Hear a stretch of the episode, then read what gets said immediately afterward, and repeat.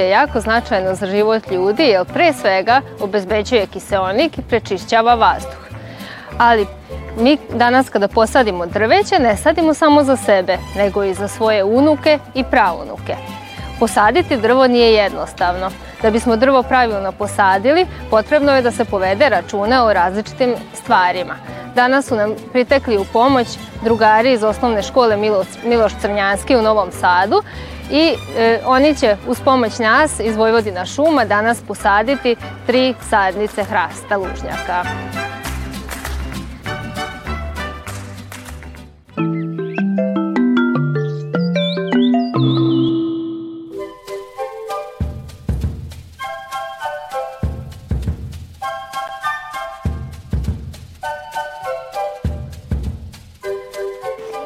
Dragi drugari, htjela sam da vas pozdravim u ime javnog preduzeća Vojvodina šume i u svoje lično ime.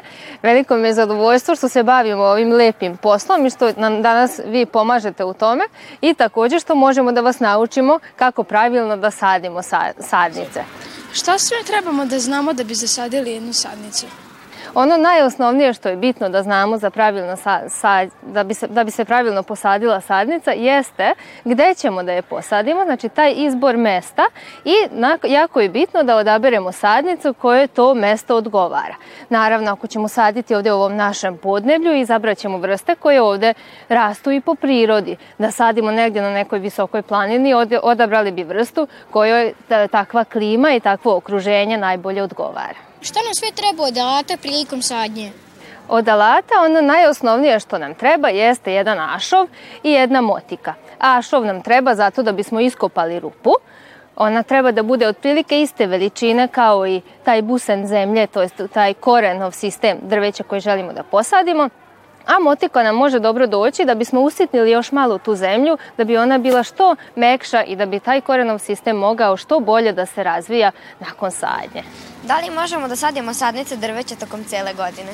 Ovo je jedno vrlo zanimljivo pitanje. Nažalost, ne možemo da sadimo tokom cele godine iz razloga što se leti, kada su velike vrućine, drveće prosto isušuje. Ona vuče, drveće vuče puno vode iz zemlje, svojim korenovim sistemom, to nosi kroz svoje stablo i u lišću uz, e, od vode i od tih mineralnih materija koje je usvojilo, ono uz pomoć sunčeve svetlosti stvara energiju, takođe i oslobađa kiseonik koji mi udišemo i e, u tom zimskom e, saditi zapravo možemo u zimskom periodu, kasna jesen, zima i eventualno rano proleće. Znači onda kada je hladno, onda kada već drveće polako počinje da odbacuje svoje lišće, vidite i na našim sadnicama ono post postaje žuto i polako će i opasti i e, drveće u tom periodu zimskom ulazi u fazu mirovanja. Zimi drveće ne izlači toliko vode, ne hrani se toliko, nije tako jaka, jako oslobađanje kiseonika kao što je to leti.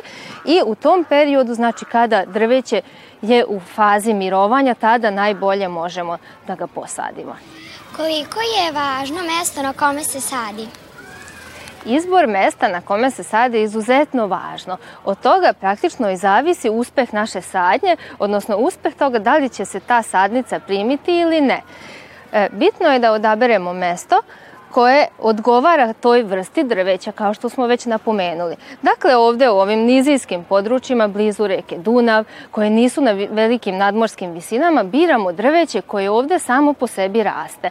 Možda ste primetili, ako ste išli na neki izlet na Dunav, primetili ste vrbe i topole, ako ste išli recimo na Frušku goru ili na neki drugi breg ili planinu, videli ste možda hrastove, videli ste lipu. To su vrste koje idu na malo veće visine. Znači, Ako smo, ako smo odabrali vrstu koja odgovara odgovaraju uslovi gde ćemo je posaditi, ona će se po prirodi što bolje i primiti i to će se, tu će se najbolje razvijati. Takođe je bitno jako obratiti pažnju kako sadimo, da svi radovi, da ta rupa bude dobro iskopana, da svi radovi budu brižljivo odrađeni i od toga najviše i zavisi uspeh naše sadnje. Koju vrstu drveća ćemo danas posaditi? Danas za sadnju smo odabrali dakle, vrstu koja je ovde samonikla, koja ovde po svojoj prirodi raste, Znači ovde mislim na Vojvodinu i na ovo područje gde mi živimo, a to je hrast lužnjak. Nekada davno, pre stotina godina, u Vojvodini je bilo dosta hrasta lužnjaka. On je bio na svim onim područjima koji su malo udaljeni od reke Dunav. Nekada možda ima poplave, ali to je na kratak period. Uz reku idu neke druge vrste vrbe i topole, ali malo dalje to odgovara najbolje hrastu. To su zemljišta u kojima on najbolje razvija svoj korenov sistem, gde najbolje najbolje usvaja e, mineralne materije i najbolje može i da raste. Dakle, hrast lužnjak je jedna vrsta koja je karakteristična za naše područje. Ono e, ima e, jak korenov sistem, dostiže dugu starost i zato se i nadamo da ako je posadimo ovde u našoj školi, to jest u vašoj školi, da će već buduće generacije još dugo uspeti da e, da se hlade u njegovom hladu i da uživaju u njegovoj lepoti. Zašto se za hrast lužnjak kaže da je tvrdi liščar? Da li to znači da postoje i meki liščari? Da, naravno. Drveće možemo podeliti po različitim osnovama. Njego, kada kažem, kada pričamo o tvrdoći, pričamo zapravo o drvnoj masi. E, o, tom, o, o to masi od koga je samo drvo sačinjeno. Kada biste uzeli neka velika klješta ili neku sekiru, kada biste uzeli i udarili E, ili nekim čekićom površinu drveta za tvrde lišćare bi se ono tek tek malo udubilo. Ako biste uzeli neki meki lišćar, udarili istom tom snagom, istom silom, on bi se udubio mnogo više. Znači nema svako drvo istu tvrdoću. Tako imamo tvrde lišćare kao što je ovaj naš hrast koji ćemo posaditi, takođe je takva i bukva ili ako poznajete bagrem, njega ima dosta, imate i ovde u dvorištu vaše škole, za njih kažemo da imaju tvrdo drvo. A meko drvo imaju vrbe, topole, recimo lipa koju ste možda sretali na Fruškoj gori. To one vrste koje imaju mnogo e, drugačiju strukturu drveta. Njihove same, ti e, snop, snopići ili provodni sudovi u koj, od kojih je drvo sačinjeno je od drugačijeg materijala i on je mnogo mekši nego kod tvrdih lišćara. Muzika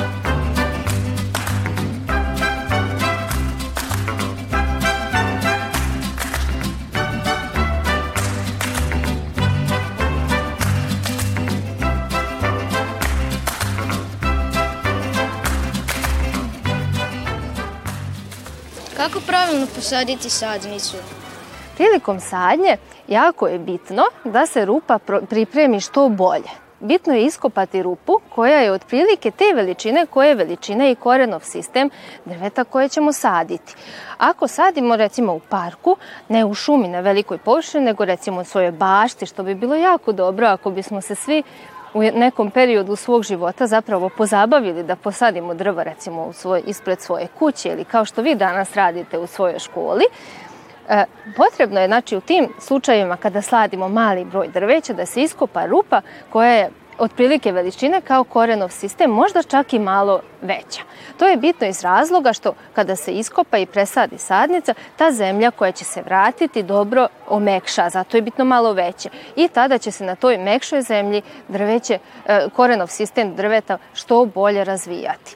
E, prilikom sadnje takođe treba voditi računa da se sadnica postavi na istu visinu, znači onaj vrat kako je on stajao u rasadniku, tako treba da stoji i na mestu gde ga zasadimo. Znači te visine ne možemo staviti ispod pa još malo zatrpati zemlje ili izvući malo iznad pa malo onako vire korenje, to ne valja, onda oštećujemo biljku. Bitno je da je posadimo da stoji u istoj ravni kao što je bila u e, u rasadniku. Takođe treba jako voditi računa prilikom zatrpavanja da se dobro istisne vazduh i zemlje i da se vrati ta fina usitnjena zemlja, zato smo rekli da je potrebno imati motiku za sadnju i e, ta usitnjena zemlja se dobro nagazi iz razloga da se istisne vazduh, jer ako ostane vazduha tu se mogu razviti neke gljivice ili neki drugi prouzrokovači bolesti koji će nam posle od biljke napraviti bolesnu biljku pa ona neće moći najbolje da se razvija. Znači zato je bitno dobro istisnuti vazduh iz rupe u koju sadi.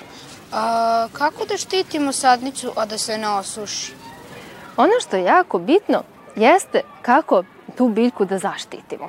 Biljku može štitimo u, e, na dva načina, to jest u, dve, e, u dva momenta. Jedan je prilikom prenošenja iz rasadnika. Znači, kada mi proizvodimo te sadnice, mi uzmemo male, u našem konkretnom slučaju e, hrasta žireve, njih posajemo u, u rasadniku, onda se od tih žireva razvijaju male bičice, mi njih sledeće godine presađujemo na drugo mesto, takozvano školujemo sadnice, tako kažemo, i kad, da bi presađujemo da bi one imale više prostora da se razvijaju razvijaju i korenov sistem i njihove grančice.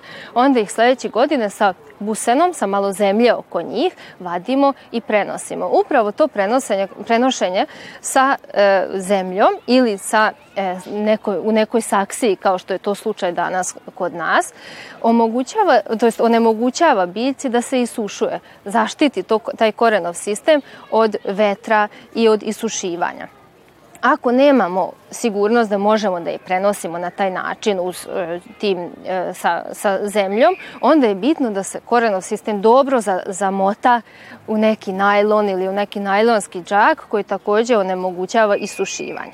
A druga faza zaštite od isušivanja jeste posle sadnje, Znači na mestu gde, kada zatrpamo, kada dobro nagazimo zemlju oko sadnice, tu se može na, naneti neki malč.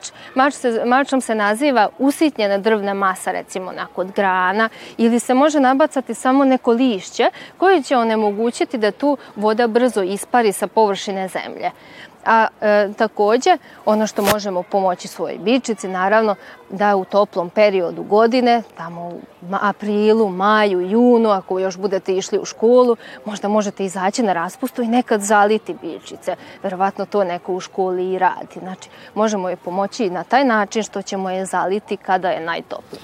Koliko dugo živi drveće?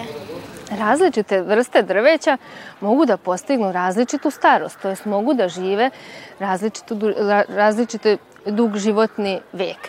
Neke vrste žive samo recimo 70, 80, 90 godina, kao što smo naveli bagrem koji kod nas raste. Jeste, ima i starijih stabala, reći ćete, ali to je neki prosek koliko on živi. Hrastovi mogu postići i nekoliko stotina godina. Mi u šumarstvu gazdujemo sa njima do 120-150 godina u zavis, zavisnosti od ostalih okolnosti. Ali recimo, ovako na osami negde u parku ili u gradu, oni mogu postići starost i nekoliko stotina godina, 300, 400.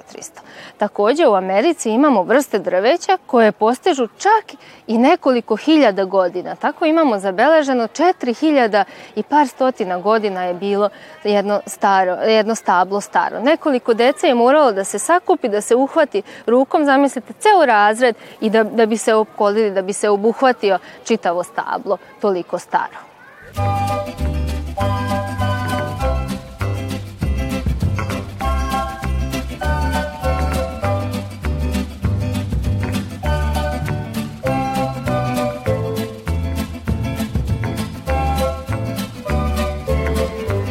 Zašto se neka stabla suše? Nažalost, dešava se da dosta sadnica, to je dosta stabala, E, dožive različite negativne uticaje iz spoljne sredine. Najosnovnije i najjednostavnije, svaka biljka se suši iz razloga što nema dovoljno vlage. E sad, tu opet može postojati više razloga. Jedan je onaj najosnovniji što je svima nama jasno, leta su nam izuzetno, duga, izuzetno vruća i imamo duge periode kada nemamo kišu. Neka čak i dve, tri, četiri nedelje ne pada kiša. U tom periodu te, ta jadna stabla nemaju dovoljno vlage. U zemljištu više nema dovoljno vlage odakle da drveće izvuče. U tom slučaju dolazi prvo do takozvanog suho, suho vrhosti, to jest vrhovi stabla se prvo suše, pa posle i neke bočne grane ili ako je to neki četinar ili neka manja manje drvo u parku, to može da krene i od e, bočnih grana. Drugi razlog zašto se drveće suši jeste usled nekih bolesti. Spomenula sam prilikom sadnje da se može drvo zaraziti recimo nekim gljivicama.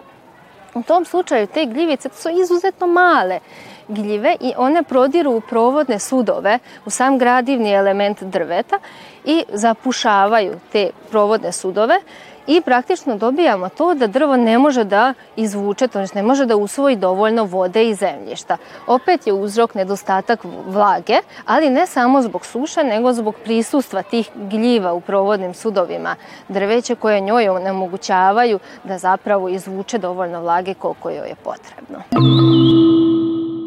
Dragi drugari, meni je vaša učiteljica ispričala da je ovaj hrast iza nas zasadilo neko E, neke, neki đaci pre nas, tačno pre 10 godina, ako se ja ne varam, vi otprilike imate 10 godina. Znači, otprilike tada kada ste vi rođeni, tada je posađen ovaj predivan hrast. I vaša učiteljica i naši drugari iz televizije su imali odličnu ideju da mi i danas posadimo jedan hrast u dvorištu vaše škole, pa da takav jedan, tako jedno lepo stablo imamo i za 10 godina na dvorištu vaše škole.